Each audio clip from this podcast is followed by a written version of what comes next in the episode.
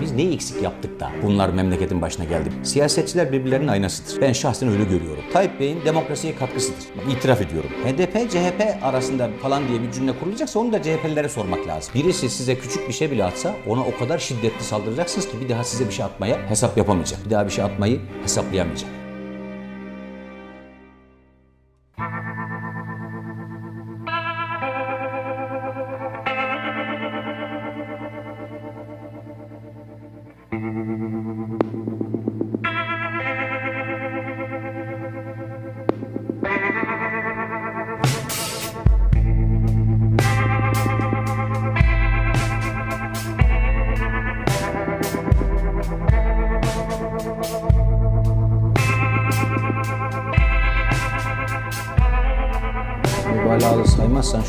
İnsanlık bin yıl geriye dönse, ya niye biz bin yıl geriye döndük demeyecek tek kişi benimdir herhalde bizim partide yani, camiada. Hiç yadırgamam yani bin yılı yadırgamam. Ama bazı insanlar çok severler ya böyle. Ee, Ben binli yıllara dönebilirim ve hiç yadırgamam yani. Niye at var, niye yürüyoruz biz, niye dışarıda yaşıyoruz falan hiç. Yani biz niçin böyle ama, ileri- ama bu insanın bence kendisiyle barışık olmasının da çok büyük etkisi var diye düşünüyorum. Çünkü bazı insanlar problem çıkarma üzerine kuruludur. Çok az beni mutlu ediyor. Çok inanın dağda bayırda mesela benim bir tek siyaseten mesela arttıkça meşgale, yoğunluk arttıkça içimde böyle yalnızlık ve uzlet hissi kuvvetleniyor. Devamlı dağlara gitmem lazım, çekilmem lazım. Devamlı O zaman şunu anlayabilir miyiz abi? Siz sıkıldığınız zaman dağlara. şu an onu hissettim. Arabaya atlayıp Tabii, tabii, hatta mi? belki eve bile haber vermeden Normalde öyle. Biz e, şeye gitmiştik. Nallıhan'da galiba. Nallıhan'da bir böyle vadi gibi bir yere gittik. İnanılmaz. Ben Ankara'da böyle bir yerin olduğuna çok şaşırdım yani. Hatta bir, bir dönem su veriyorlarmış oraya. Bir dönem şey kalıntılar falan da var. Kuş cenneti diye geçiyormuş galiba. İnanılmaz bir yer tavsiye ederim gitme, gitmediyseniz ama biraz çamurlu. Biraz çamurlu onu söyleyeyim yani. Abi şimdi si- siyaset Türkiye'de çok sertleşti ve gergin bir hal, halde aldı. En başta şunu sormak istiyorum. Bu gergin siyaset ortamı içerisinde ya kardeşim nasıl bir döneme denk geldiniz diyor musunuz? Meclisi kastediyorsanız evet. Yani insan mecliste daha lezzetli, daha seviyeli, daha kalbi ve hasbi bir ortam bekliyor. Eskiden dışarıda meclisin dışındayken siyasi aktörler de bu kadar birbirlerine her şeyi söyleme hak görmezken siyaset daha yapılabilir bir şey gibi geliyordu. Türkiye'de bizim mecliste bu dediğinize yakın şöyle bir hissiyatım oluşuyor benim. Vicdanları aslında herkesin var. Aslında yanlışlar ve doğrular konusunda ittifak etmek çok zor değil. Ben AK Parti grubundan arkadaşlarımızla mesela kuliste yahut onlarla birebir görüştüğümüz zaman bizimle aynı hassasiyetleri çok rahatlıkla konuşabildiklerini, dışarıda anlaşabildiğimizi görüyorum. Genel kurula girince dediklerimizin hilafına davrandıklarını fark edip onlara birkaç sefer sitem ettim. Dedim ki bu güvenlik cihazlarından geçerken silahlar, metaller falan bırakılıyor. Sizi gören de zanneder ki genel kurul salonuna insanlar kalpleriyle, vicdanlarıyla giremez. Ya bu dedim salonun girişinde insanların kalplerinin, vicdanlarının takıldığı bir cihaz mı var dedim yani. Dışarıda kalplerinizi bırakıp mı giriyorsunuz buraya? Dolayısıyla şunu demeye çalışıyorum. Bazen parti kanunu, bazı partilerin iç işleyiş mekanizması, bazen parti içi disiplin, bazen işte siyaset kanunumuzun belki seçim kanunumuzun böyle bir handikapı var. Sizi seçenlerden çok seçilmenize imkan sağlayanlara sadakat göstermek ihtiyacı. Sonra da siyasetin kazanma arzusu. Bu bağırma çağırma beşeri ilişkilerde de öyledir. Yani bakıyorum mesela insan niçin bağırmaya başlıyor? Çok sevdiklerinizle, gözlerinizle bile anlaşabiliyorsunuz. Herkes kendi dünyasından bilir bunu. Artık bağırmaya başlamışsanız evde de öyledir o. Bağırmaya başlamışsanız mesafeler açılıyor demektir. Bağırmak kalp mesafesi, duyma mesafesinden daha uzağa düşünce ola- olağan bir şeydir. Şimdi bizim mesela eskiden e, evliliklerin yaşadığı siyasi siyasi olarak da buradan ibret çıkarılabilir. Evliliklerin içerisindeki huzursuzluklar da öyledir. İlk evlendiğiniz zaman, ilk sevdiğiniz zamanlarda hiçbir şey demeden gözlerinizle hatta hislerinizle anlaşabildiğiniz yol arkadaşlarınızla zaman içerisinde birbirinize bağıracak hale geliyorsanız aslında mesafeler epey açılmaya başlıyor demektir. Siyasette bu mesafe açıldı. Herkes bağırmaya başladı. Herkes bağırıyor. Ha, dinlemek, anlamak, anlamaya çalışmak. Bütün bunlar içerisinde bunu bir hayırda yarış gibi görmek. Karşıyla şimdi moda tabirle söylüyorlar. Empati yapabilmek. Kendisini başkasının yerine koyabilmek. Aslında bu toprakların mayasında vardır bu. Ama şimdi bakın hiç kimse hiç kimseyi kendi yerine başkasını başkasını da kendi yerine koyarak dinlemiyor. Herkes Em- kendisi gibi olmasın, olunmasını Empati istiyor. duygusu azaldı diyorsun. Hiç yok. Yani hiç yok. Yaşlandıkça gençleşen hırslar siyaseti bu hale getiriyor. O yüzden ben siyasetin bu zemininin bizim için lezzet lezzet kaybı olan berbat bir dönem olduğunu kabul ediyorum. Yani siyasette kavga da lezzetli olur. Seciyeli kavga etmek lazım. Seviyeli değil kavga etmek lazım. Muhalefet de güzeldir. Tartışma da güzeldir. Fikri münakaşa falan bunlar güzeldir. Ama hakaret güzel değildir. Ne bileyim, rencide etmek güzel değildir. İnsanların hatalarını yüzlerine vurma hevesi iyi değildir. Utandırmaktan mutlu olmak mesela. Ya utandırmak diye ayıptır. Bundan mutlu olmak daha büyük bir ayıp. Şimdi rakibini utandırınca mutlu olmak, rakibini insan içine çıkamayacak hale getirince kendisini siyasi maharetli zannetmek falan e, siyasetin kullandığı politik enstrümanlar haline geldi. Dolayısıyla bence o siyasetteki e, hizmet kalitesini de e, insanların ya da siyasete bağlı memlekette iyi şeyler düşünenlerin de ümitlerini kırıyor. Ben bu anlamda dediğiniz şeye katılıyorum. Meclis bu anlamda benim için bir iç burkuntusu. Peki bu ne kadar daha böyle devam eder? Yani bunun bir sürdürüle, böyle olur. Bunun bir sürdürülebilirliği olur mu yani bu gergin ortam? hep böyle olur. Bu gergin ortam bir yere kadar bu dille memleket taşınmaz. Bu dille arkadaşlık taşınmaz. Bu dille bu memleketin bunca problemi çözülmez. Bu hissiyat AK Parti bunu çok iyi bilir. Bütün partilerde iktidar coşkusu şuradan başlar. Bu memleketin yorgunluğuna iyi geleceğiz, dinlendireceğiz. Bu memleketteki kine gareze iyi geleceğiz, seveceğiz. Bu memlekette savrulmayı toparlayacağız. Bu memleketteki kırılan dökülen ne varsa herkesi saracağız, sarmalayacağız coşkusu iktidar oluşturur. İktidar ne zaman kırmaya, dökmeye, savurmaya, savrulmaya başlamışsa o zaman yeni bir enerji içeriden çıkar. Bu savrulmaya mukabil eder. Hep böyledir. Hep böyle. Yani bu devran hep böyle dönmüştür. İyilikle kötülük arasındaki mücadelede iyiler her şeye rağmen iyidirler. İyilerin mazereti yoktur. İyiliğin mazereti yoktur. Mazeret üretmeye başlamışsanız iyiliğinizi kaybetmeye başlamışsınız demektir. Türkiye'de siyaset şu anda mazeret üretiyor. İktidar mesela ilk zamanki coşkusunu kaybettiğini oradan anlasın. Eskiden memlekette her probleme ya bunlar olacak ama biz bunları çözeceğiz diye inisiyatif kullanıyorlardı. Şimdi problemlerden siyasi kuvvet devşiriyorlar.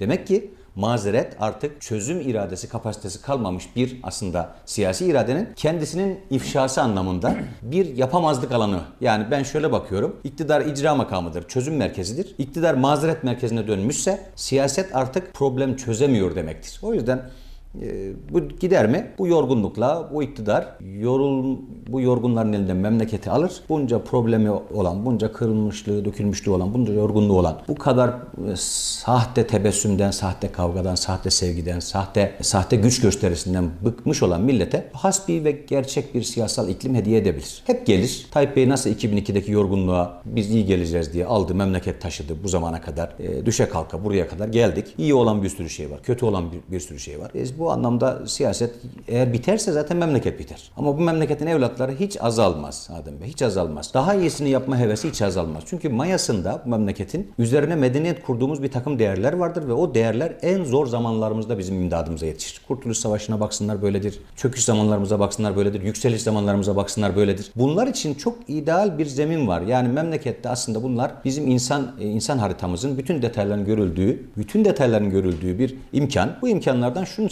çıkarabiliriz bence. Bu tecrübe ettiğimiz şeyden memnun olduklarımıza devam edeceğiz. Kötü bulduklarımızı önüne geçeceğiz.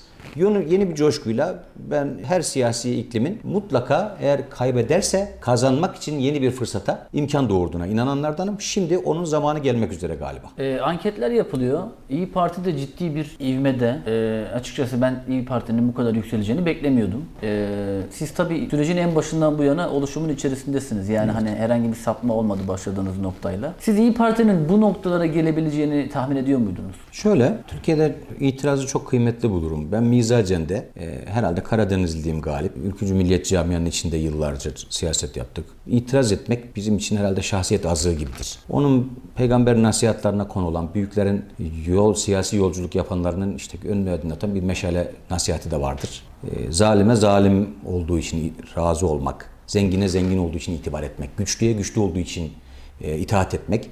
Bunlar kötü ahlaktan sayılmıştır. O yüzden biz siyasi hayatımın merkezine koyduğum duygularından bir tanesi güçlüye güçlü olduğu için eyvallah etmemektir. Yani her güçlü zalim değildir ama güce güce rağm olmak duygusu beni hep sarsmıştır. Öyle bir korkuyu hep içimde taşımışımdır. Çünkü büyüklerin nasihatlarında vardır o. En güçlü Allah'tır. Allah'ın galip olduğunu bilen, Allah'ın en güçlü olduğunu bilenlerin başka bir güçten korkmuş olmaları gizli şirktir derler. O yüzden eşitlenmiştir ki yanlış yapan devlet idarecisine karşı hakikati söylemek çok met edilmiştir. Evet. Ben İyi Parti İyi Parti kurulduktan 5-6 ay sonra İyi Parti'ye davet edildim. Tayyip Bey daha önce tecrübe edilmemiş bir siyasi rakiptir. Maharetli bir siyasi rakiptir. Ama kabul etmemiz lazım ki siyasi olarak mücadelesindeki tonlama kendisine ait bir orijinallik taşır. Yani Tayyip Bey kendisine leblebi atana gülle atmayı sever. Yani Tayyip Bey ne bileyim kendisine böyle çekirdek atanlara taşlarla saldırmayı ister. Mermi atana atom bombası atmayı sever. Yani siyasi pratiği Tayyip Bey'in şöyledir görebildiğim kadarıyla. Birisi size küçük bir şey bile atsa ona o kadar şiddetli saldıracaksınız ki bir daha size bir şey atmaya hesap yapamayacak. Bir daha bir şey atmayı hesaplayamayacak. Bu onun siyasi pratiği. Siyaseten kazanmak açısından yahut Türkiye gibi önünde arkasında pek çok acılar yaşanmış bir ülkede bu pratiğin kendince anlamlı tarafı vardır. Ben Tayyip Bey'in bu okumaların içerisinde kendisinden önce başarısızlığa mahkum olmuş liderleri iyi izlediğini de düşünüyorum. Yani Adnan Menderes'e iyi baktığını düşünüyorum. Turgut Özal'ı iyi izlediğini düşünüyorum. Kendi geleneğiyle ilgili kırılma dönemlerini iyi analiz ettiğini düşünüyorum. Kendisinden önceki iktidar dönemlerinin yükselişin değil de çöküş dönemlerini, liderlerin kazandıklarını değil de kaybettikleri dönemlerde ne yaptığını, ne yapmadığını iyi analiz ettiğini düşünüyorum. E, dolayısıyla bu pratiğin onda e, bir anlamı vardır. Ama Türkiye'de bizim için şöyle bir zorluk oluştu. 15 Temmuz tarifi çok mümkün olan alışılageldik bir e, darbe teşebbüsü değildi. Evet. İçeriden bir darbe teşebbüsü. Yani nasıl diyeyim mukaddesatçı, milliyetçi cenahın içinden bir darbe teşebbüsü. Eskiden de darbeler görüyorduk. Darbeler bir rutin olarak 10 yılda bir darbe, 5 yılda bir muhtıra özelinde ordunun tasarrufunda orduya bağlı bir kliğin yaptığı bir şey. İlk defa milliyetçi mukaddesatçı camianın can damarlarında gezen bir siyasi kuvvete dönüşmüş bir şebeke bizden görünerek bizim olduğunu inandığımız devleti istiskal etmeye kalktı. Bu sürecin içerisinde herkes suç sahibi olduğu için de orada kendisini kurtarma hevesi haklanma mekanizmalarını da enfekte etti. Dolayısıyla berbat bir siyasal iklim oluştu. Bu siyasal iklimin Bizi etkileyen tarafı sizin sorunuz işte. Tayyip Bey, benim bu baştan Tayyip Bey'in siyasi pratiği, mücadele pratiğiyle birleşmiş şöyle bir alanda bizi siyaset zorluğuyla karşı karşıya bıraktı. Tayyip Bey yenmek ve galip olmak için devletin bütün imkanlarının muhtesinde bulunduran bir rakip. Bunları kullanırken de siyasi meşruiyet kaynağı görüyor kendisini. Yani İyi Parti dahil Türkiye'deki siyasi muhalefeti en çok zorlayan şey şu. Meşruiyet kaynağı benim. Yani bir eskiden partiler iktidar olurdu ama kendisinin dışında da meşruiyet alanları bırakırdı. Tayyip Bey çok doldurdu kendince bu alanları. Şöyle bir siyasal pratik oluşturdu. Meşruiyet kaynağı benim. Ben kime milli diyorsam o millidir. Ben kime dindar diyorsam o dindardır. Kime gerçekten mümin diyorsam o mümindir. Kime gerçekten hak dostu diyorsam o hak dostudur. Kim devlet düşmanı diyorsam o devlet düşmanıdır. Vatan haini dediğim vatan hainidir. Efendim e, ben e, ben kandırılmış olabilirim. Başkaları başkaları ben diyene kadar kandırılmış sayılmaz falan. Bu siyasi meşruiyeti kendinden kendinden mürekkep sayma, kendinden menkul sayma hastalığının bize yansıyan tarafı şu. İyi Parti'yi terörle irtibatlandıran bir problemli alanda siyasete mecbur ettiler. Ne oldu? İyi Parti, İyi Partili olmanın terörist olmakla, İyi Partili olmanın devlet millet düşmanı olmakla, İyi Partili olmanın işte memleketin aleyhine bir takım tertiplerin içinde olmakla eşdeğer sayıldığı bir berbat siyasal iklim oluştu. Bu kadar dehşetli bir siyasi propagandanın altında biz kabalaşmadan, kırmadan, dökmeden inandıklarımızı, inandıklarımızı milletin ümidi olacak ve yarınlarını kurtaracak şekilde söylemeye ısrarla devam ettik. Çok zordu. Çok zorluk çektik. Yani İyi Partili olmak handikap, İyi Parti il başkanı olmak problem, İyi Parti'nin gençlik teşkilatında olmak problem, İyi Parti'de ya gönül veren bir bürokrat olmak problem, İyi, İyi Parti'nin siyasi vizyonunu destekleyen bir akademisyen olmak problem. Şimdi bunlar olunca e, elinizde çok e, nitelikli olup sizinle beraber olup memleketin yarınlar için hayırlı işler yapacak insanlar görünemiyorlar. Bir parti şöhretli adamları göstererek büyüyebilir. Buna siyasetin en zor taraflarından biri diyebilir miyiz? En zor tarafı. Yani bir parti nasıl millet vicdanında büyüyebilir? Nasıl milletin ümitlerine yürüyebilir? Şöyle yürüyebilir. Bir, bir ilin, bir vilayetin, bir memleketin en şöhretli, en itibarlı, en saygın akademisyenleri, bürokratları, esnafları, çiftçileri, işte öğrenciler, en parlak öğrenciler. Yani bunlar gelince bu siyasi cazibe şöyle oluşur. Memleketin en saygın adamları oraya gittiğine göre, en saygın iş adamları orada olduğuna göre Demek ki burada bir siyasi cazibe alanı oluşuyor. Demek ki burada memleketin yeni ümidi mayalanıyor, duygusu oluşuyor. Şimdi Tayyip Bey bunu bilebilecek kadar siyasi pratiği olan bir insandır. Bize memleketin makulleri gelmesin diye bütün makulleri korkutacak bir siyasal dehşet oluşturdu. Bu siyasal dehşetin içerisinde biz de Milliyetçi Hareket Partisi'nin canı sıkkınları, Cumhuriyet Halk Partisi'nin asabı bozukları, Tayyip Bey'in e, Tayyip Bey'in hiçbir zarar veremeyeceği kadar hiçbir şey olmayanlar hayatını itiraz üzerine şekillendirmiş bir avuç deli kaldı. Şimdi biz bunlarla memleketin siyasi olarak bütün kuvveti kudreti elinde olan bir siyasi parti genel başkanına hakaret etmeden, kabalık etmeden soylu bir itirazda bulunduk ve bu 5 milyon oya tekabül etti. Tanımlama çok ilginç oldu ama o yüzden güldüm yani. Şimdi millet bize diyor ki mesela e, biz uzun senelerdir siyaset yapıyoruz. Beraber olduklarımızın AK Parti'de arkadaşlarımız var. Onlar bile bizle odalarımızda resim çekinirken imtina ederler ilk kurulduğumuz zamanlarda. Fotoğraflarımızın yayınlanmasından korkan arkadaşlarımız oldu AK Parti'de. Yani bizim İyi Parti ile fotoğraflarımız görülmesin diye. Şu an mesela medyaya yansıyan boyutundan bahsetmiyorum. AK Parti'den iyi görüştüğünüz arkadaşlarınız var mı? Çok var, çok var. Niye olmasın siyasetin? Çünkü şöyle bir fotoğraf çiziliyor abi. Sanki sürekli partiler Kavga birbiriyle ediyormuş. kavga ediyorlar. bir tartışma var, bir bağırışma var. Ama meclisin o kapıdan girdikten sonra genel kurulun o konuşma alanından bahsetmiyorum. Sanki arka tarafta biraz daha atmosfer düşük gibi geliyor bana yani. Siyasetin üstündeki dili dilinden daha e, ilişkiler sıcak. Yani en uçlarda bile öyle. Yani Cumhuriyet Halk Partisi ile yani. mesela biz zaten biz zaten kötü değildik. Ama AK Parti siyasi olarak geçimsizlik yapıyormuşuz gibi davranmayı kuvvete dönüştürmeyi çok sevdi. Yoksa biz mesela bunu anlamsız buluyorduk. Hasbihal ediyoruz. Namazda omuz omuzayız. Bayramlarda görüşüyoruz. Komşuluklarımız var, dostluklarımız var. Ya arkadaşız. Cemiyetçilik yıllarımızdan, gençlik yıllarımızdan beri beraber olduklarımız, tanıdıklarımız var. Biz bir memleket hikayesi uğruna siyasi olarak kulvarlarımız farklı olsa da omuzlarımız zaman zaman memleket için bir araya gelmiş insanlarız. Dolayısıyla bu husumet dilinin bizde siyasi olarak bir karşılığı yok. Ama AK Parti üstte yönetim dilinin, Sayın Cumhurbaşkanı'nın kendi pratiğinin, belki danışmanlarının ona sunmuş olduğu siyasi retoriklerin sonucu bu. Bu böyle midir? Ya değildir. E, Devlet Bey ile Tayyip Bey arasında Türk siyaset tarihinin eşine emsaline rastlanılmadık düzeyde hakaretlerle birleşmiş e, biliyorsunuz kavgalar oldu. Ya ne, ne galiz yani hiçbirisi bunlar kahvelerde bile insanlara söyleyenlere çok görülür. Ama bakıyorsunuz ki siyaset bunca hakarete rağmen beraberlikler oluşturabiliyor. O yüzden bunlar çok kıymetli değil. Buna Ben- iletişimin gücü diyelim. ya şöyle, ben çok vurgularım. Ee, Mecliste birkaç yıldır mesaimin çoğunu şuna veriyorum ben. Ya seviye tutturmamız lazım. Çocuklarımız için seviye tutturmalıyız. Bu memlekette kavgayı da nasıl yapacağımızı göstermeliyiz çocuklarımıza. Bu memlekette muhalefeti de nasıl yapacağımız, devleti yönetirken nelere dikkat edeceğimizi göstermeliyiz. Dışarıdan bize bakanlar Türkiye'yi değerlendirirken sadece iktidar büyük, muhalefet berbat dememeli ya da muhalefet çok iyi, iktidar çok berbat dememeli.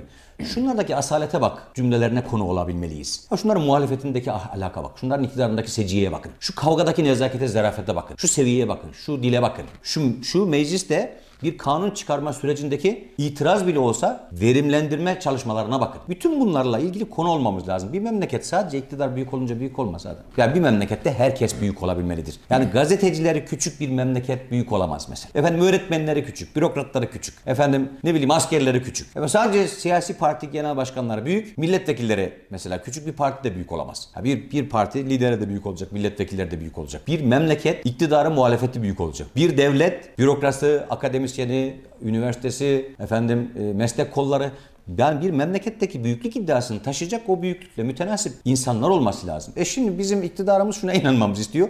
Bizim büyüklüğümüz kafidir, sizin hepiniz küçüksünüz. Son tahlilde iş şuna döner. Ya siz nasıl bir ülkesiniz ki sadece siz büyüksünüz, sizin dışınızda herkes küçük. Böyle bir şeye heves etmemek lazım. O yüzden siyasette sizin dediğiniz iklim çok rahat düzelir. Çok rahat düzelir. Tayyip Bey bunu daha önce defalarca tecrübe etti. Ama tahammül sınırlarını o kadar bitirdi ki reformların, demokrasi kurumsallaşmasının, adalet reformunun, ekonomi reformunun konuşulduğu yerlerde sanki bu reformlardan bahseden o değilmiş gibi çok ciddi, çok şiddetli tonlamalarla hala konuşmaya devam ediyor. Onu anlamakta zorluk çekiyoruz yani. Abi siz siyasette çok marka isimlerden birisiniz ki günümüzde bu markayı sürdürülebilir kılmak da çok zor. Yani çünkü bu sosyal medya var, işte iletişim çok hızlı. Yani sürekli insanlar hataya açıklar çünkü hata yapabilirler. Türkiye'nin önemli televizyon kanallarına da çıkıyorsunuz. İşte önemli gazetecilerle de mülakatlar veriyorsunuz. Sorular soruluyor, sualler soruluyor falan. Bu tabii bir partinin tanınan marka ismi açısından da zor bir şey aslında. Evet. Çünkü yapacağınız en ufak bir yanlış Hata. ifade, hata sizi çok farklı bir yere konumlandırabilir. Bunu nasıl başarıyorsunuz? Hanım şöyle siyaseten ben kalbimle yürümeye karar verdim çok evvel. Zaman zaman bu gençlik yıllarımızdan itibaren insanların hissiyatı değişiyor. Siyaset de normal insan hayatındaki tekamül içerisinde onun da terbiye edici bir tarafı var. Yani kabul etmeliyiz ki artık 20'li yaşlardaki gibi değiliz. Herkes, her yaşın bir olgunluğu var. 20'li yaşlarda biz galip olmak hevesi taşıyorduk. Yani siyasi muarızlarımızla, işte biz sağcıyız, solcularla, efendim biz ülkücüyüz, komünistlerle, efendim biz sünniyiz, Alevilerle. Yani ne- hangi Evet. biz, Karşılığı neyse biz yani. dindarız laiklerle. Yani devamlı galip olmak zorundayız. 20'li yaşlar, 30'lu yaşlara kadar galip olmak duygusuyla yaşadık. 30'lu yaşlarda galip olmaktan ziyade ikna etmek. 30'dan 40'a kadar ikna etmek. Ne etmemiz lazım? Evet. Kazanmalıyız. 40'tan sonra anlamaya çalışmalıyız. 40'tan 50'ye kadar böyledir. Bizim şimdi anlamaya çalışma dönemlerimiz. 50'den sonra 50-60 arası şöyledir. Bizim bu memlekette yaşananlarla ilgili sorumluluğumuz nedir acaba? Biz neyi eksik yaptık da bunlar memleketin başına geldi? Biz hep karşı tarafı suçlamayı tercih ediyoruz. Acaba biz hangi kusurları yaptık ki bu memleket bu hale geldi? 50-60 arası böyledir. 60-70 arası memlekette irfanın galip olacağı zamanlarda tecrübenin, her tarafta bulabildiğin doğruların ve kendin dahil herkeste rastlayacağın yanlışların ayıklanabileceği bir irfan dönemi. Şimdi Türkiye'de ben e, siyaseten en siyasi hasım gördüklerimde bile şimdi geriye dönüp bakınca ahlak adına, güzellik adına, devlet adamlığı adına pek çok numune görebildim. Yaş yaş dilimlerim içerisinde de görebildim. Ahmet Necdet Sezer'i mesela e, çok sevmezdim. E, Cumhurbaşkanı e, olarak çok sevim, şahsi olarak çok sevmezdim. Siyasi tercihlerini sevmezdim. Ama onun mesela çoluğunun, çocuğunun devletin uzağında tutulabilmiş olmasını çok kıymetli buldum. Çok kıymetli buldum. E, protokolü çok seven bir adam değilimdir ben. Çünkü bu mevzuda biraz Avrupa'yı davranmanın memleketimiz için lüzumlu olduğuna inananlardanım. Bu şartlı taraflarımızın biraz törpülenmesi lazım bizim. Böyle yüzlerce arabalarla merasim e, bölüğü gibi böyle gitmek gelmek, şatafatlı devlet erkanının programlarından nefret ediyorum. Protokol için ayrılmış 2-3 tane kumaş koltuğa oturmaktan nefret ediyorum. Zaten araştırmalarda da insanların ortak e, tepkisi bu biraz da yani. Hayır, Yani görünen şu, siyaset belli bir süre içerisinde bir akvaryum e, oluşturuyor sizin için.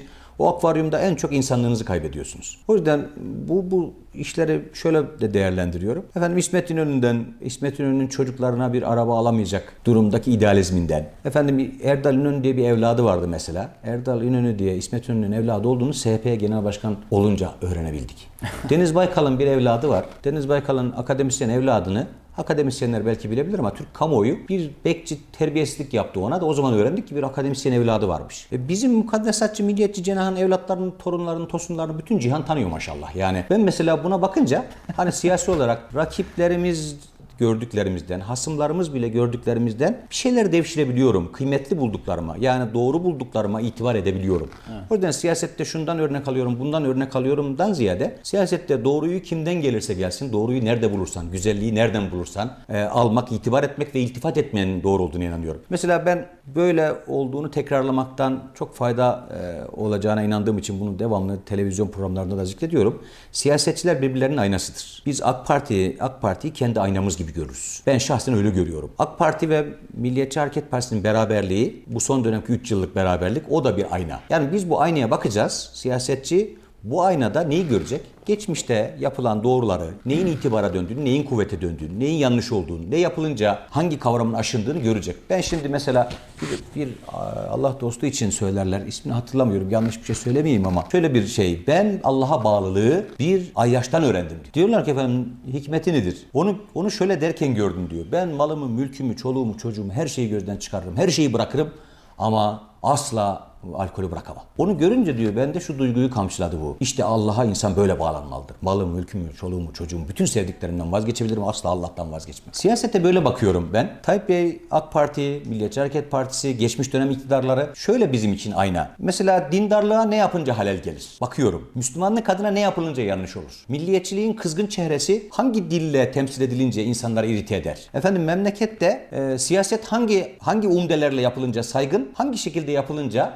aşınır, aşındırır. Hangi itibarlı ilkelerle siyaset yapılınca siyaset memleketin ümidi olur? Hangi duyguyla yapılınca memlekette ne kaybedilir? Şimdi dolayısıyla ben AK Parti'ye şöyle bakıyorum. O bizim aynamız gibi bakıyorum. O yüzden e, Tayyip Bey'in yapınca itibara dönmüş, milletin teveccühüne, duasına konu olmuş işlerine bakıyorum. Kızgınlığa sebep olmuş, kırgınlığa sebep olmuş, memleket bölünmesine sebep olmuş, memleketin burkulmasına sebep olmuş, ümidinin, ümidinin gitmesine sebep olmuş işlere bakıyorum. Onlardan da ibret çıkarıyorum. Dolayısıyla siyaset eğer sensörlerinizi açabilirseniz, algınızı açabilirseniz istifade etmek anlamında size çok mümbit imkanlar sunabilir. Geçmişte böyledir. Şimdi geçmişte ülkü camia e, şeyle kavga etti. Solcularla ülküler kavga ettiler. Bülent bir tarafında Bülent Ecevit'in bir tarafında rahmetli Alparslan Türkeş'in. E, Allah rahmet eylesin. ikisine de ko- çok kuvvetli kavgalar oldu. Binlerce insan e, öldü, öldürüldü. Binlerce insan zindanlara girdi. Taraflar oluştu. Çok taraflar oluştu ama ben çok bugün konuştuğumuz tonlamada birbirlerine hakaret ettiklerini hiç duymadım. Arşivlerde hiç rastlamadım.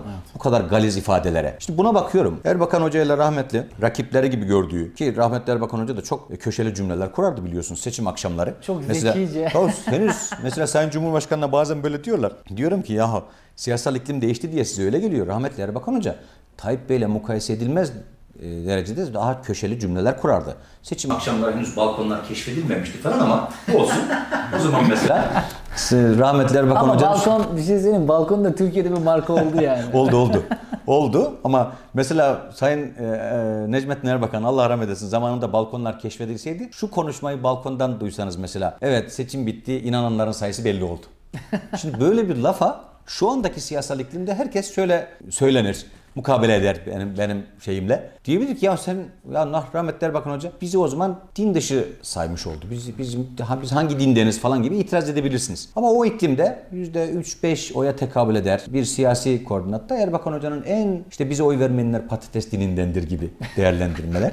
irite etmezdi insanları. Evet. Yani şöyle derdi herkes. Erbakan Hoca siyaseti böyle konuşuyor. Şimdi aynı şeyi Tayyip Bey'in söylediğini düşünür müsünüz? Mesela balkonda Tayyip Bey şöyle diyor. Evet bugün inananların sayısı belli oldu. Yahut bize oy vermeyenler patates dinindendir. Bazen söz kadar sözün söylendiği iklim, bazen sözün söylendiği iklim kadar sözü söyleme cüretini size veren oy oranı. Bu oy oranının arkasından sizin taşıdığınız hissiyatın önemli olduğunu düşünüyorum. O yüzden herkesten istifade edilir. İbret alabilmek insan için çok kıymetli bir e, kazanç alanıdır. Yani bir insan ibret alabiliyorsa, neyin yanlış, neyin doğru olduğunu mukayese edebiliyorsa, geçmişte yapılanları ayırmadan, yani bu benim dünyamın doğrusu değil demeden istifade edebiliyorsa bence bu insana verilmiş, bahşedilmiş en büyük nimetlerden biri budur. Evet. Ben AK Parti'nin mesela şu anda böyle bir imkanı olsa sizin dediğiniz gibi Örnek alsam mesela. Sayın Cumhurbaşkanı kimi örnek alıyor mesela? Ben şimdi zaman zaman Sayın Cumhurbaşkanı'nın yaptıklarından, ettiklerinden, sonuçları üzerinden ders alıyorum. Diyorum ki böyle yapmak iyi, böyle yapmak kötü. Böyle demek iyi, böyle demek kötü. Böyle deyince rencide oluyor insanlar. Böyle kızınca burkuluyor insan. Bu Cumhurbaşkanlığı makamına halel getirir bir laftır. Bu laf Cumhurbaşkanlığı makamına yakışmaz. Bu laf Tayyip Erdoğan'ın siyasi olarak taşımak istediği sorumluluklara yakışmaz diyorum. Oradan çıkarabiliyorum. Efendim rahmetli Erbakan Hoca'ya bakıyorum mesela. Bunu böyle demeseydi diyorum. Şunu güzel demiş diyorum. Erdal İnönü'nün e, mesela makam arabası rahatsız yaşamasına, vefatına kadar elinde elinde olan o golf arabasıyla, vefatında bile o arabayla cenaze sürecinde işte yakınlarının onunla gitmesine falan çok imrenerek bakıyorum. Ne kıymetli şeyler bunlar. Şimdi siyaseten bu benim rakibim, ben bunlarla siyasi olarak eskide hasımdım, ben bunların doğrularına itibar etmem demek yerine doğrulardan ve yanlışlardan istifade edebilmek, bakabilmek çok kıymetli bir şeydir. Ben şu anda mesela siyasal iklimimizin en çok buna ihtiyacı olduğunu düşünüyorum. Belki partim içerisinde de şu anda bir siyasi kuvvet yakalamaya gayret ediyoruz. O kuvvetin o kuvvetin oturacağı yer bu sizin dediğiniz yer. Yani örnek alacağız. Neden örnek alacağız? Siyasetçinin örnek alması bu şahsi tekamül, şahsi seyrisülük seyir, şeyimiz değil ki bizim. Yani biz burada manevi terakki yapmıyoruz. Burası tekke değil. Evet. Bizim burada ibret aldığımız doğrular, sevdiğimiz ve itibar ettiğimiz devlet adamları milletin ve devletin hizmetine talip olurken saygın hale gelmiş olanlar. Dolayısıyla bunlardan Atatürk'ten alırsınız, Osmanlı padişahlarından alırsınız, Kurtuluş Savaşı'nın kurmay kadrosundan alırsınız. Hepsinde vardır. Hepsinde sevecek, takdir edecek, ibret alınca bir daha asla böyle bir şey yapmayacağız denecek bir dünya kıymetli yaşanmışlıklar vardır. Ben mesela 20'li yaşlardaki hissiyatıyla davranıyor olmalarını yadırgıyorum. Yani Sayın Cumhurbaşkanı mesela artık 70'e merdiven dayadı. 70 yaşını Aynının hissiyatı yok Sayın Cumhurbaşkanı'nda. Ona şaşırıyorum mesela. Olması lazım gelen şey. Şimdi ben bazen kinayeyle söylüyorum. Acaba diyorum Sayın Cumhurbaşkanımıza birisi diyebilir mi ki 20'li yaşlarda Milli Gençlik Teşkilatı'na yeni girmiş bir insan gibi davranmasa? Yani herkesin Cumhurbaşkanı olduğunu hissedebilse. Tamam partili Cumhurbaşkanı bile olsa kendisine oy vermeyenlerin de Cumhurbaşkanı olmak sorumluluğunu niçin sarfı nazar etti? Niçin gözden çıkardı böyle bir şeyi? Sana itiraz edenlerin de Cumhurbaşkanısın sen. Sen seni eleştirenlerin de cumhurbaşkanısın. Sana yaptıklarına en kuvvetli şiddetli itirazları yapanlar dahi senin cumhurbaşkanı olduğun bir ülkenin vatandaşları. Bunlar sana emanet. Dolayısıyla oy verenleri zaten yönetirsiniz. Sevenlere zaten bir şey söylersiniz. Sevmeyenlere, itiraz edenlere, sizin yaptıklarınızı beğenmeyenlere dokunmanız lazım. O yüzden o hissiyat içerisinde ben mesela bakıyorum. Efendim 20'li yaşlardaki hissiyatımı taşımıyorum. 30'larda yaptıklarımdan aklıma gelenler var. Onlardan nadimim, mahcup oluyorum. Ya diyorum ki keşke yapmasaydım. 40'lı yaşlarda taşıdığım hissiyatlar var. O siyasi tasnif içerisinde şimdi bakıyorum ki Tayyip Bey'in demokrasiye katkısıdır. Bak itiraf ediyorum. Herkes mesela muhalefet kızar ki Tayyip Bey demokrasiyi mahvetti. Ben Tayyip Bey'in memlekette demokrasiye çok şiddetli kuvvetli bir katkı sağladığına inananlardanım. Onu da söyleyeyim kinayeyle. Sayın Cumhurbaşkanı'nın siyasi olarak yenilmezliği memlekette bir araya gelmesi pek mümkün olmayan siyasal eğilimleri bir araya getirdi. Evet. Şimdi biz mesela anladık ki birbirimizi birbirimize benzeterek bu memlekette huzursuz etmektense anlamaya çalışmalıyız. Yani memlekette 8-10 milyon Alevimiz var. 8-10 milyon Kürdümüz var. 8-10 milyon Türkmenimiz var. 8-10 milyon mesela yörüğümüz Kar- var. kar- Ne bileyim kar- dindarımız var, Osmanlı sevenimiz var, efendim e, Cumhuriyete aşık olanımız var, Kemalistimiz var. Her siyasal eğilimden insan var. Memleket 10-15 kompartıman gibi, siyasi kompartıman gibi. Şimdi bütün bunların içerisinde biz herkes birbirini kendisini merkeze koyduğu yerde birbirine mecbur etmeye çalışıyor. Ya benim gibisin ya hainsin. Şimdi Tayyip Bey'in memlekete yaptığı en büyük katkı bu adam. Biz eskiden kızdıklarımızı anlamaya çalışıyoruz. Çünkü fark ettik ki bir arada huzurla yaşamamızın yolu birbirimize saygı göstermek. Birbirimizi anlamaya çalışmak. Şimdi bunu da kabul etmeliyiz ki Tayyip Bey yaptı. Biz Cumhuriyet Halk Partisi ile 80 öncesinde kavga ettik. 80 sonrasında üniversitelerde en hırlı kavgalarımızı onlarla çok yaptık. sert hatta. Çok ciddi kavgalar ettik ya. Biz birbirimizi kurşunladık 80 öncesinde. Öldürdük birbirimizi. E şimdi siyasi olarak onlar komünizmi, biz ülkücülüğün memleketin istiklaline teminat olduğuna inandık. O kavgadan çok acılar yaşandı. Sonra keşke kavga edilmeseydi, tartışma olsaydı da kavga edilmesi edilmeseydi noktasına geldik. Şimdi bu kadar husumetin içerisinde şimdi fark ediyoruz ki kimse kimseyi değiştirememiş zorla. İnsanların aşık olacağı, seveceği, beğeneceği, bu kadar güzel insan olmanıza sebep olan nedir merakını uyandıracağı kadar insan olabilmek imkanını yakaladınız müstesna. Onun haricinde güçle, tehditle, korkutarak kendine benzettirmeye çalışmak huzursuzluk sebebi. O yüzden Sayın Cumhurbaşkanı'na bu anlamda çok teşekkür edebiliriz. Memleketin demokrasi eşiklerini şöyle kuvvetlendirdi. İnsanlar birbirlerini anlamaya, dinlemeye, birbirleri gibi düşünmüyorlarsa bile birbirlerine saygı duymalarının gerekliliğine inanmaya başladılar. Ben bunu gerçekten kıymetli buluyorum. Şimdi bazıları mesela sataşıyor bize AK Parti'den. Diyorlar ki "Şu beraber olduklarınıza bakın. Diyorum ki bu da kıymetli. ya Cumhuriyet Halk Partisi ile bugün demokrasi içerisinde nefes alınabilecek siyasal alanlar için güç beraberliği yapıyor olmak demokrasi için çok kıymetli. Biz CHP'nin her yaptığını beğenmek zorunda değiliz. Onlar da bizim her yaptığımızı beğenmek zorunda değil. Ama şimdi bakın öyle bir iklim oluştu ki biz bu iklim içerisinde siyasi olarak uçlarda bile olsak bu uçlarda memleket için nasıl beraber güç üretilebilir noktasında bir demokrasi eşiği oluşturduk. Burada Tayyip Bey'e bir teşekkür borcumuz var. Kabul ediyorum. Burada merak ettiğim şey şu abi. Bu biraz da Z kuşağının e, merak ettiğini düşünerek soruyorum. Yani o mizah diliyle. Şimdi tabii çok güçlü muhalif partileri bir araya geldiler. Bir ittifak oluşturuldu. Önümüzdeki dönemdeki siyasi e, durumla ilgili o ittifakların devam edip etmeyeceğini soracağım ama şunu sormak istiyorum.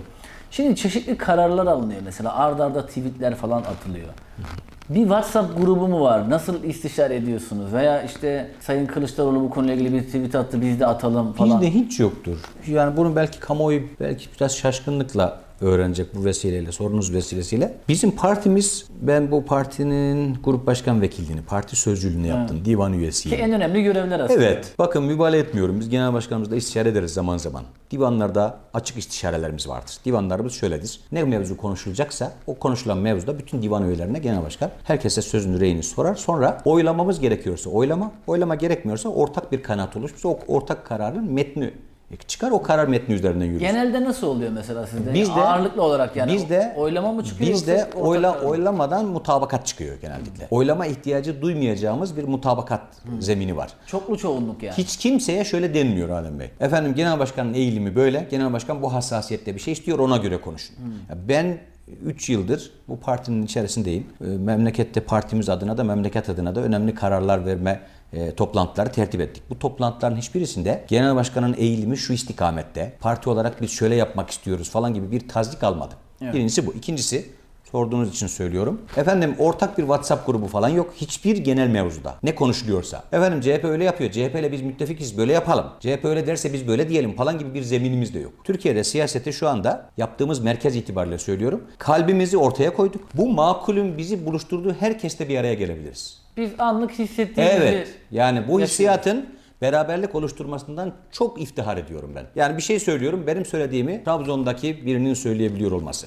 Bizim söylediğimiz hassasiyet gösterdiğimiz çerçevede başka siyasi partilerden, AK Parti grubu da dahil. Ya biz bunu makul bulduk. Bu eleştiriyi böyle yüksek sesle biz dillendiremiyoruz ama bu anlamdaki ikazınızı çok kıymetli bulduk falan gibi bu sözlerimize böyle dönülüyor olmasını da gerçekten çok e, itibarlı buluyoruz. Demokrasinin belki de en lezzetli tarafı budur. Çünkü öbür türlü AK Parti grubu mesela birkaç sefer tecrübe etti onu. McKinsey meselesinde yaptı. Bu termik santral bacalarında yaptı biliyorsunuz. Ben biliyordum ki Bizim gibi düşünüyorlar. Ama grup kararları işte maalesef vicdanları biraz baskılar. O yüzden bizde muhalefette bir WhatsApp grubu yok. Muhalefette biz bu mevzuda şöyle diyeceğiz. İşte biz İyi Parti olarak böyle diyeceğiz. Siz CHP olarak şöyle söyleyin. 18'de açıklıyoruz Asla böyle bir şey yoktur. Asla. Kaldı ki biz CHP ile iktidar beraberliği değil, demokrasi beraberliği yaptık. Yani İyi Parti'nin tek başına iktidar iddiası var. Öyle olmak zorunda. İyi Parti'nin iktidar kurgusunu kendisi siyasal zeminini bulabilirse daha çok Milliyetçi Hareket Partisi ve AK Parti'nin oylarını kazanabilmesiyle mümkündür. Orada biz kabul etmeliyiz ki kamuoyu da bunu bilir. CHP'den daha avantajlıyız. Çünkü klasik sağ seçmen CHP'ye meyilde biraz problemlidir. Tam onu soracağım abi. Siz konuyu sen açtın şimdi. Şimdi muhafazakar camiada size karşı e, hani bir aidiyet duygusu da var. Çünkü aynı yoldan yürünmüş. Öyle. Aynı e, bardaktan çay içilmiş veya aynı işte e, tabaktan. Aynı hassasiyetlerin kavgasını verilmiş evet. Şimdi mesela ben çok duyuyorum bunu bir gazetecilik refleksiyle de kulak da kabartıyoruz tabii ki. Ya mesela adam diyor ki ya şimdi Yavuz Ağralioğlu diyor bizim evladımız diyor ama HDP ile yan yana geliyor. İşte o da diyor bir taraftan işte PKK durumları söz konusu. Ki Türkiye'deki vatandaşlarımızın da PKK'ya karşı bakış açısı bellidir. Yani terör örgütüne terör örgütü denmesini Doğru. isterler. Kalben isterler. Şimdi orada sizi böyle bir e, HDP ile sanki ittifak içerisinde veya bu bu şekilde devam edecek gibi bir algı da söz konusu. Bu işin tam detayı nedir abi? Şunun bilinmesini çok e, iş- teşekkür ederim. En azından bu anlamda bir istifamı ortadan kaldırmak vesilesi olsun. Şöyle biz memleketin birliğine, beraberliğine, bütünlüğüne, bir arada yaşama arzumuza kastetmiş insanlar güneş yüzü görmesini isteriz. Yani bu topraklarda bin yıldır yaşıyoruz. Başımıza gelmedik gayle kalmamıştır. Bin bir türlü bela savuşturduk. Saldırının her türlüsünü gördük. İşgal teşebbüslerini gördük. Devletlerimiz yıkıldı. Hırzımız çiğnenecekti. Zor günler atlattık. Vatanımız çiğnenecekti. Kendimizi bu belalardan zor kurtardık. Vatanımızın ve devletimizin yaşaması için ödediğimiz bedeller hafızamızda. Dolayısıyla bu partimizin safları içerisinde efendim bizim Türkiye tasavvurumuzun kabulünü yapmış hiçbir insanın şöyle deme im- imkanı yoktur. Memleketin birliğine, bütünlüğüne, beraberliğine kastetmiş hiç kimseye müsamaha göstermez İYİ Parti. Gösteremez.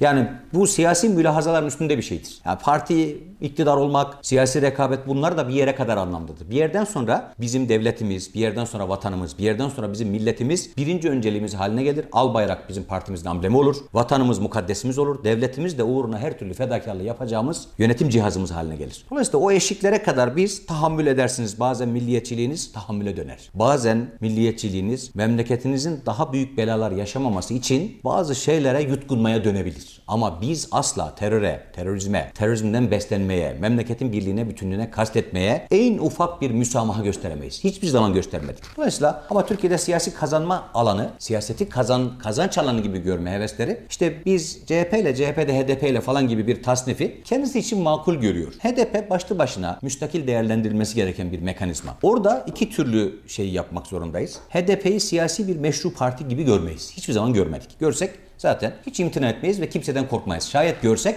deriz ki meşrudur.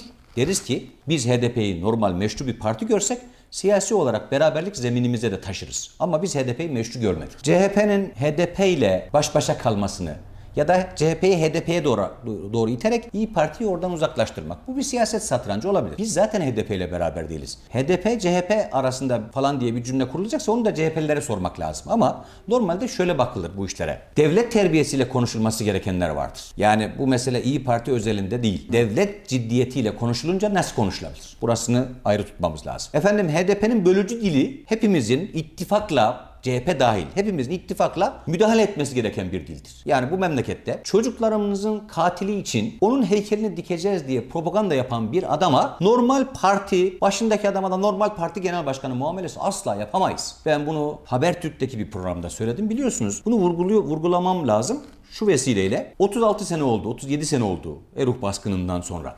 Binlerce şehidimiz var. Yani kınalayıp memleket için gönderdiğimiz evlatlarımızı al bayraklara sarılı alıyoruz. Şimdi bize bu kadar ağır bedeller ödetmiş bir terör örgütü elebaşısı için onun heykelini dikeceğiz diye propaganda yapan bir parti sonra dönüp diyebilir mi ki bize niye meşru parti muamelesi yapmıyoruz? Ne demek bu? Çocuklarımızın 37 senedir kanına canına kastetmiş bir alçağa heykelini dikeceğiz cümleleri bir parti propagandası. mı? Siz böyle bir heykel yapmaya teşebbüs ederseniz size ancak şöyle mukabele edebiliriz. Ediyoruz. Abdullah Öcalan'ın heykelini yapabilir misiniz? Yapabilirsiniz. Bir şartla yapabilirsiniz. Altına yazacaksınız ki bu alçak 37 senedir milleti birbirine düşürmek için her türlü pis hesabın içerisinde devletin milletin başına bela olmuş bir namussuzdur. Yazabilir misiniz? Yazarsanız olur. Yazmazsanız bu devlet kendi çocuklarının katilini metüsene eden hiç kimseye meşruiyet alanı tanımaz. Dolayısıyla dünyanın her yerinde böyledir. İngiltere'de de böyledir. İspanya'da da böyledir. Efendim terör organizasyonları kurmuş. Milletin çocuklarını öldürmüş. Sivil insanları, masum insanları katletmiş. Asker polis demeden herkesi öldürmüş. Ondan sonra da onun heykelini dikeceğiz propagandasıyla arzayan devam eden bir siyasi parti normal meşru parti muamelesi görsün. Mümkün değildir bu. Ama Türkiye'de bölücülüğe kızdığımız kadar bölücülerin elindeki oyların onlarda niçin olduğunu da düşünme sorumluluğumuz var bizim. Ya şimdi ben mesela İyi Parti'yi siyasette çok önemli bir aktör görüyorum. Aktör de doğru bir ifade mi bilmiyorum ama yani en azından biz gazeteciler olarak böyle, böyle ifade ediliyor. İnsanların da sizin sizden çeşitli beklentileri var. Yani işte bu tansiyonun düşmesiyle ilgili mesela sizin zaman zaman yaptığınız açıklamalar. Ama mesela Meral Hanım'la ilgili ben şunu birkaç kez tweet de attım. Sayın Cumhurbaşkanı cezaevindeyken Emine Hanım'la ilgili bir Doğru. durum oluyor. Kanal 7'ye bağlanıyor. Ee, o dönem İçişleri Bakanı galiba. Yanlış hatırlamıyorsam. 28 Şubat sürecinin e, içinde olmuş herkes e, Meral Hanım'ı bilir. Herkes bilir. Tabii ben yaş olarak da biraz zar zor hatırlıyorum ama. Yani o süreç içerisinde şunu unutulmaması lazım. Herkes bilir bunu. O yüzden Meral Hanım'ın mesela her şahsiyetli, onurlu, haysiyetli insan iftiralara burkulur. Ama burada burkulmayı katmerli hale getiren bir şey vardı. Yakından geldi taş. Yani dersiniz ki böyle bir üslupsuzluğu yakıştırdıklarınızdan gelir dersiniz ki adamların seciyesinde vardı bu olabilir. Ama başına iftira gelmiş. Mesela Cumhurbaşkanı'nın mesuliyeti o yüzden çok büyüktür. Onun iktidarında onun gibi düşünmeyenlerin, bizim değil bak, onun gibi düşünmeyenlerin ki biz hassasiyet ve değerler alanı itibariyle yakınızdır. Yani dolayısıyla bizim başımıza gelmesi zaten çok ciddi problem ama onun gibi düşünmeyenlerin bile başına gelmeme sorumluluğu vardır. Çünkü biz 28 Şubat'ta Allah rahmet etsin Hasan Celal Güzel çok güzel bir insandı. İsmiyle müsemma bir adamdı. Efendim rahmetli Muhsin Başkan, Tansu Çiller ve Meral Akşener bu dört kişi millet bu hafızasında en müstesna yeri o zamanlar alabilmişlerdir. Niye? Milletin inancına, mukaddesatına en galiz cümlelerle saldırıldığı, en galiz ifadelerle hakaretler edildiği o günlerde gür bir sedaya döndü bu çığlıklar. Dolayısıyla Meral Akşener'i belki burkan ve o burkma etkisini çarpanını bine katlayan şey şudur. Ben evin namusunun, çoluğun, çocuğun emanet edildiği insandım. Ben mukaddesat adına herkesin sustuğu, sindiği zamanlarda kendimi, irademi bu işin önüne engel koymuş bir adamdım. Dolayısıyla benim ırzım, namusum, iffetim, siyasi mücadelemden önce şahsiyetim size emanetti diyebilen bir çığlığı da vardır genel başkanı. Yani bu ne? Böyle bir şeye nasıl sessiz kaldınız? Bize bu kadar siyasi rekabet de olur, kavga da olur. Ama bu kavgaların içerisinde şahsi olarak hiçbir insanın kaldıramayacağı bu galiz ithamlar insanın içini şöyle burk- burkar. Bana bunu nasıl yaparsınız şaşkınlığı da vardır genel başkanda. Yani biz sizinle aynı değerler alanı içerisinde, hak mücadelesinde, demokrasi mücadelesinde, insan hakları mücadelesinde, başörtüsü mücadelesinde, efendim askeri vesayetin altında size haksızlık yapıldığında, işte cezaevine gönderildiğinizde bütün bunlarda biz millet iradesini örseletmeyeceğiz diye kendimizi siper ettik. Siz nasıl bize yapılan saldırılarda bu kadar sessiz kalabildiniz diye onun içinde e, bu burkulmayı çok daha katmerli hale getiren bir hicran vardır. O yüzden ben e, şöyle bakıyorum. Genel Başkan dahil hepimize oldu. E, Tayyip Bey'in bu sorumluluğunu şu çok artırdı. Kendisi yasaklanmış bir adam. Kendisi şiir okudu diye cezaevine girmiş bir adam. Kendisi ötekileştirilmiş bir adam. Cari sistem tarafından tırnak içinde sistemin zencisi yapılmış bir grubun siyasetçisi. Efendim e, siyasi olarak devamlı önüne demokrasi adına bariyerler konmuş bir adam. Kurduğu partinin başına geçirmemiş, geçememiş, geçirilmemiş bir adam. Efendim devlet bürokrasisinde işte inancından dolayı okuduğu okullardan dolayı ötekileştirilmiş bir hissiyatın sözcülüğüne soyulmuş bir adam. Hatta çok önemli bir görevdeyken eşi Tabii. Hastaneye Gata'da, baş- Gata'ya sebebiyle Çok kıymetli bir şey bu dediğiniz. Bak Gata'ya giremedi. Gata'ya başbakanın eşini alamadılar. Almadılar. Düşünün. Böyle feci şeylerin yaşandığı bir memlekette Sayın Cumhurbaşkanı'nın Cumhurbaşkanlığının ötesinde. Başbakanken başbakanlığının ötesinde. Efendim bir parti genel baş onun da ötesinde bir şey var. Recep Tayyip Erdoğan şahsi olarak. Vaat ettiği şey şudur. Ben gördüm.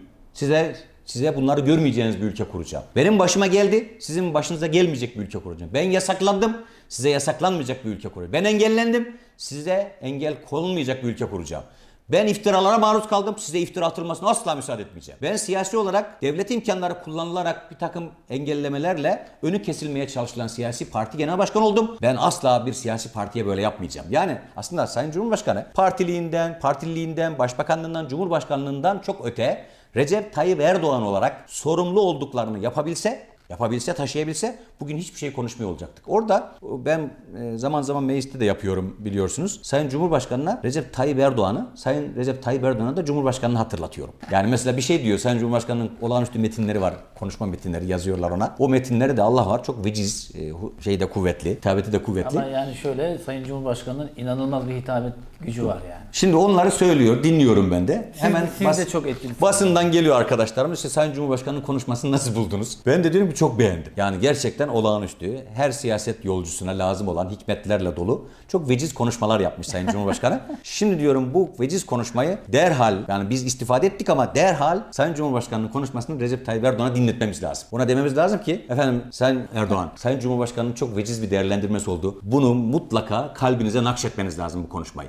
Bazen Sayın Cumhurbaşkanı'na da Tayyip Bey'in 2002 yılında partisini kurarken söylediklerini Sayın Cumhurbaşkanı'na hatırlatıyorum. Diyorum ki efendim Recep Tayyip Erdoğan'ın çok kıymetli vaatleri oldu. Ee, Cumhurbaşkanlığı mevkiine kadar devletin bütün kademelerinde taşınması gereken ahlakın, ilkenin, siyaset dilinin, üslubunun çerçevesi metinler var. Efendim bunları acaba okur musunuz falan diye ben Sayın Cumhurbaşkanı'na hatırlatıyorum. Dolayısıyla siyaset şudur. İktidar için güzel konuşmak değil. Muhalefet için güzel konuşmak. İktidar güzel yapar, muhalefet güzel konuşur. Güzel yapacağım demek muhalefet için güzel konuşmaya bağlıdır. Ama iktidar güzel konuşarak güzel yapacağım diyemez. İktidar sadece güzel yapar.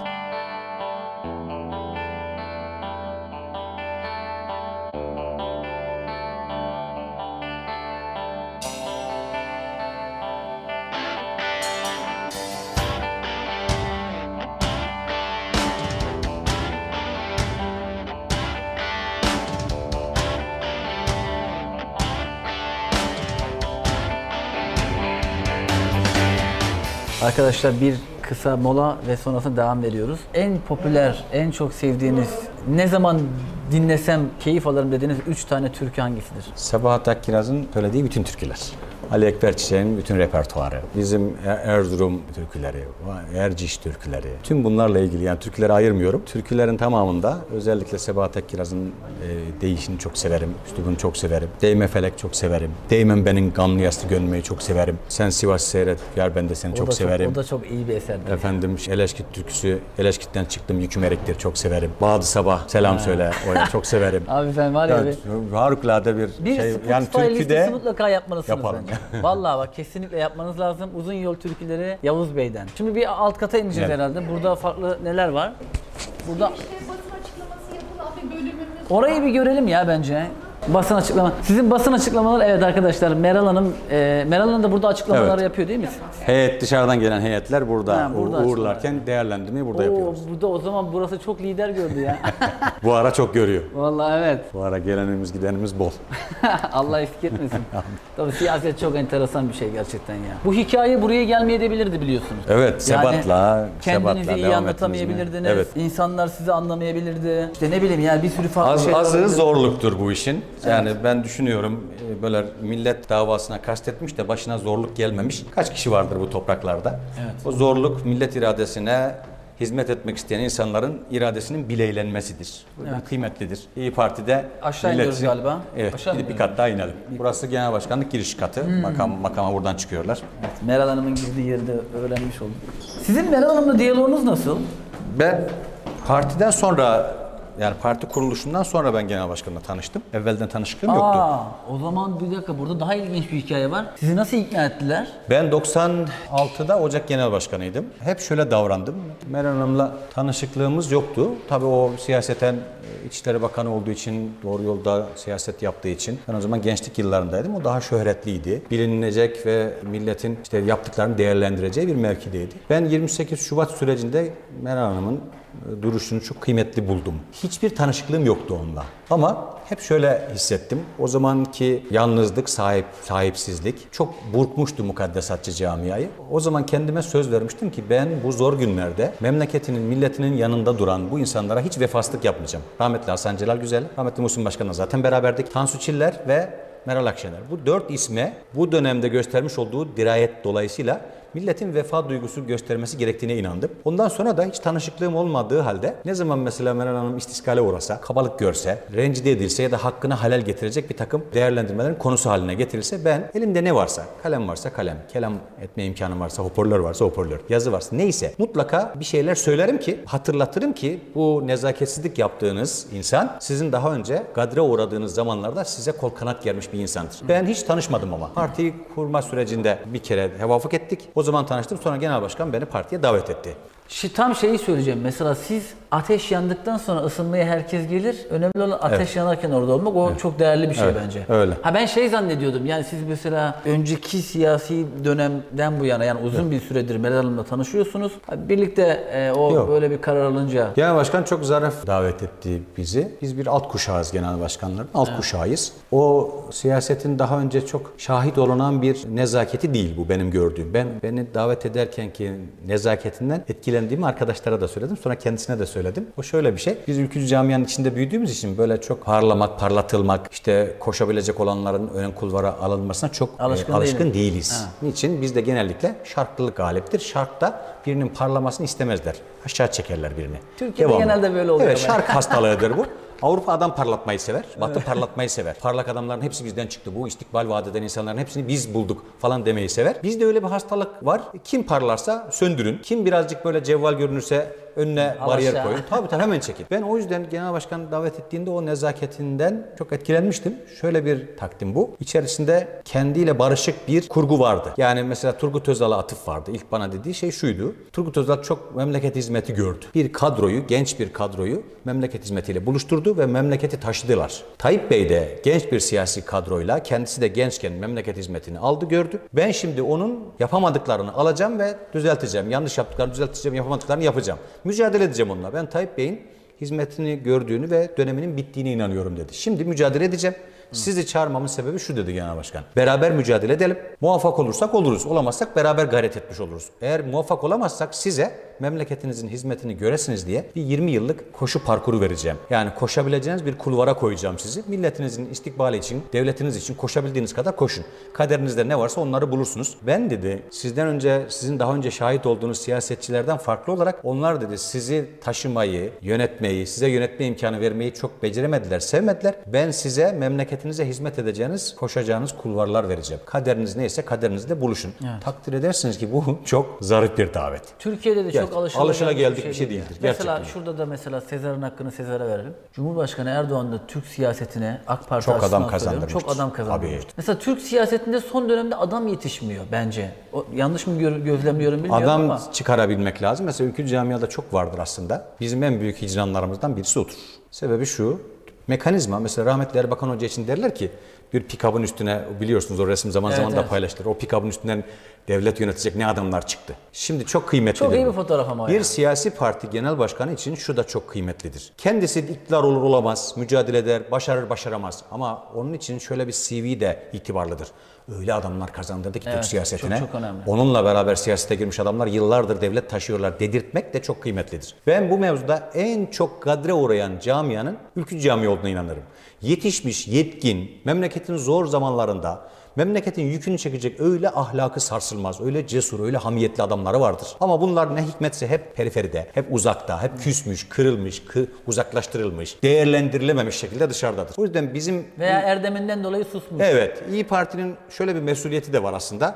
Böyle kenarlarda, tenhalarda kalmış, böyle netameli bir memleket gününde memleketin ihtiyacını görecek nice, nice yetkin, yetişkin adam vardır. Onları acaba memleket devlet hizmetiyle buluşturabilir miyiz diye de bir sorumluluğu vardır bunun. Evet. O yüzden çok kıymetli dediğiniz devlet adamı yetiştirmek, devlet devleti taşıyacak insanları çıkarabilmek. Biz yapamazsak onlar yapsın diye onlara kulvarlar açabilmek çok kıymetlidir. Keşke böyle bir imkan yakalanabilse çünkü Türkiye'de bu sizin dediğiniz şey kahtı rical, devlet adamı noksanlığı yani. Bunu başarabilmemiz sadece siyasetin benden daha iyileri varsa onların geleceği yerlere açayım duygusuyla buluşmasına bağlı. Türkiye'de liderlerin maalesef sıkıştıkları yer şurasıdır. Benden daha iyisi benim yerimi tehdit eder korkusuna düştüğü andan itibaren bir lider Türkiye'de bu Evet, büyük Türkiye'de- hastalık. evet, o Ama bu- sadece siyasette değil. Evet, Her, her yerde. Medyada da Her böyle. yerde öyledir. Diğer yerlerde Her de yerde böyle. öyledir. Abi şimdi mesela burayı görünce şunu hayal ettim. Şimdi siz iletişime çok açık bir insansınız. Mesela şu gençleri toplasanız buraya işte bu pandemi şartları hani 20 tane genci toplasanız.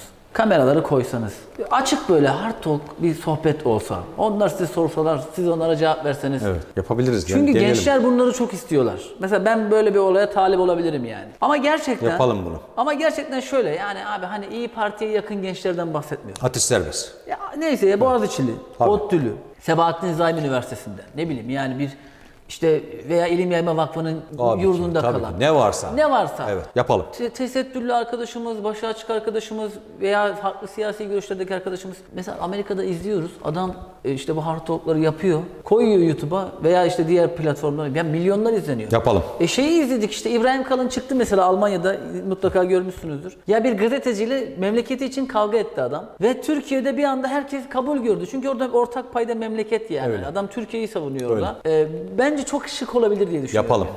Vallahi ben size sözüm olsun yapacağız. Tamam Eyvallah. söz. Evet arkadaşlar Çıkalım. Yavuz abiyle sohbetimiz e, artık yavaş yavaş noktalanıyor. Çok teşekkür ederiz. Bize bayağı Eve de bekleriz. Öbür dediklerinizi de yapalım. Abi eve vallahi gelelim ya. Evde Gelin. Bir bardak çayınızı içelim yani. hem çayımızı içelim Şimdi- hem ev sohbeti daha biraz daha böyle şahsi kişisel dünyamızı da hasbihal ederiz. Şimdi siz de tabii Türk siyasetinde çok önemli bir noktadasınız. Özellikle bir insan sizinle aynı görüşü savunmayabilir. Evet. Farklı zaten bizi zenginleştiren şey bu. Farklı farklılığımız. Fakat ona siyaseti servis etmek, Öyle. hikayeyi anlatmak, meselenin e, özünden kopmadan kendi düşüncelerinizi saygı doğrultusunda ifade ediyor olmak çok kıymetli. Evet. Ya Türkiye'nin bu yakın dönemde ben bunu yakalaması gerektiğini düşünüyorum. Deneyeceğiz. Bıkmayacağız denemekten. Koşacağız. Koşacağız. Abi Pes çok- etmeyeceğiz. çok teşekkür çok ederiz. teşekkür ederim. Çok Son, zarifsiniz. son olarak şunu soracağım. Bunu sormadan gitmeyeyim. Siz futbol tamam çok izleyemiyorsunuz ama Türkiye'de erkekler otomobilleri severler yani. Böyle bir otomobil hayranlığı var mıdır ya uf arabaya bak falan der Yok. misiniz? Arabanın tekerleri dönsün kafidir bana. Her türlü arabayı kullanabilirim. Araba tercihim yoktur. Yani bozulmasın, yolda kalmasın, tekerleri dönsün. Kafi. Türkiye'de erkekler bir de şunun havasını çok atarlar mesela. Şimdi aynı coğrafyada olduğumuz için yani Karadeniz ben de Karadeniz'im. Mesela benim babam hayatı boyunca hep şunun havasını atmıştır. İşte ben İstanbul'dan Ordu'ya bir depoyla gidiyorum falan. Böyle şeyleriniz oldu mu sizin hiç ya? Ya araba, araban ne kadar yakıyor sorusu, sahibinden koma bakma arzusu falan bunlar klasik Türk refleksleri haline geldi. Neye binerseniz binin yani arabanın cesametine bakınca artık bu arabanın yakıtıyla ilgili bir problemi yoktur binenin. Öyle bile olsa o adama mesela arabanın kaç lira yakıyor, ne kadar yakıyor denir yani. kapalı bir Böyle, Evet böyle, böyle bir lüzumsuz bir sual var yani gerçekten kaç lira yakıyor yani araba Lincoln mesela buna kaç lira yakıyor denmez yani kaç lira yakıyor. Nasıl yitiriyorsun benzini yani bu adam böyle bir arabaya binebiliyorsa Aynen öyle. 7-8 bin motor bir arabaya biniliyorsa onun herhalde yakıtını dert etmeyecek bir şey vardır Bir de ama. Bak, sokaktan geçerken araç, araçların vergilerini hesaplayanlar var ya. bu klasik Türk refleksleri. Ben biraz bu mevzuda şöyleyim. Hakikaten arabanın sadece tekerleri dönsün ve yolda kalmasın. Yani bozulmasın, mağdur mağdur etmesin bizi. Onun haricinde hiçbir aksesuar şeyim yoktur. Klimayı çok sevmediğim için mesela klimayı hiç Klima- sevmiyorum. ama klima çok zarar da veriyor. Klima hiç sevmiyorum. Yani arabanın bütün camlarını açabiliriz. Bütün camları açık 1000 kilometre yol gidebilirim. Bir şey olmuyor bana. Ama klimayı böyle bir derecede çalıştırırsanız rahatsız oluyorum. Oo, o yüzden çocuklarım benimle seyahat etmeyi çok sevmiyorlar. Şey bu WhatsApp'la ilgili bir durum oldu ya. WhatsApp'ı silenler oldu, Evet. farklı uygulamada yüklenenler oldu. Siz böyle yok bir benim şey... böyle takıntılarım yok. Me- İki tarafımızda melekler var. Yeteri kadar kaydediyorlar. Bu Müslümanlar açısından bir problem yok yani bence. Yani bir gün yaptıklarımızdan hesap soracağız diye bir vicdanını diri tutabiliyorsa bir adam. Efendim o beni kaydediyormuş, beni çekiyormuş falan bir önemi yoktur. Benim öyle takıntılarım yok. Ama güvenlikle ilgili bir endişemiz varsa milli o mevzuyla ilgili bir hassasiyet gelişirse o hassasiyetlere uyarız biz vazifemiz. Ama onun haricinde yani bizi çok etkilemez o işler şundan dolayı. Ben siyasetin kuvvetini de oradan alırım. İki kişiyken ne konuşabiliyorsanız milyonların önünde onu konuşabileceksiniz. Ya da milyonların önünde konuştuklarınızı iki kişiyken de konuşabileceksiniz. O siyasetin kuvvetidir. Dolayısıyla devletimiz açısından bir güvenlik kararı alınmadığı müddetçe benim böyle oyun izliyormuş, bu izliyormuş falan çok e, umurum olmuyor yani. Eyvallah. Arkadaşlar çok keyifli bir sohbet oldu. Yani biz bu röportajlarla bence farklı bir şeyi de başardık. İnsanlar hep işte mesela Yavuz abi bir- birçok genç sadece siyasi olarak Habertürk'te izliyor veya diğer Fox'ta veya diğer kanallarda hep siyasi konular. Bugün biraz daha farklı konulara değinmeye çalıştık. Ama kendisinden bazı sözler aldık bu il- ilerleyen dönemlerle ilgili. Onları da e, bu YouTube kanalında sizlerle paylaşacağız. İnşallah. Umarım keyif aldığınız bir röportaj olmuştur. Şimdi YouTube'un abi geleneklerinden bir tanesi e,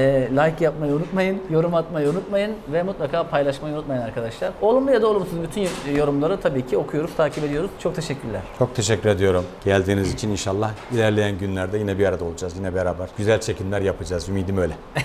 Bir Trabzon'a götüreceğim sizi. Dağa, yaylaya inşallah becerebilirsek. Bir de oraları görmeniz lazım. Bir de orada hasbihal lazım. Bir de bir siyasi çalışmamıza denk gelebilsek de bir, bir günü mesela planlayabilsek çok kıymetli. O teklifi de aldım. Bizim açımızdan Başım süper üstüne inşallah onu da yapacağız.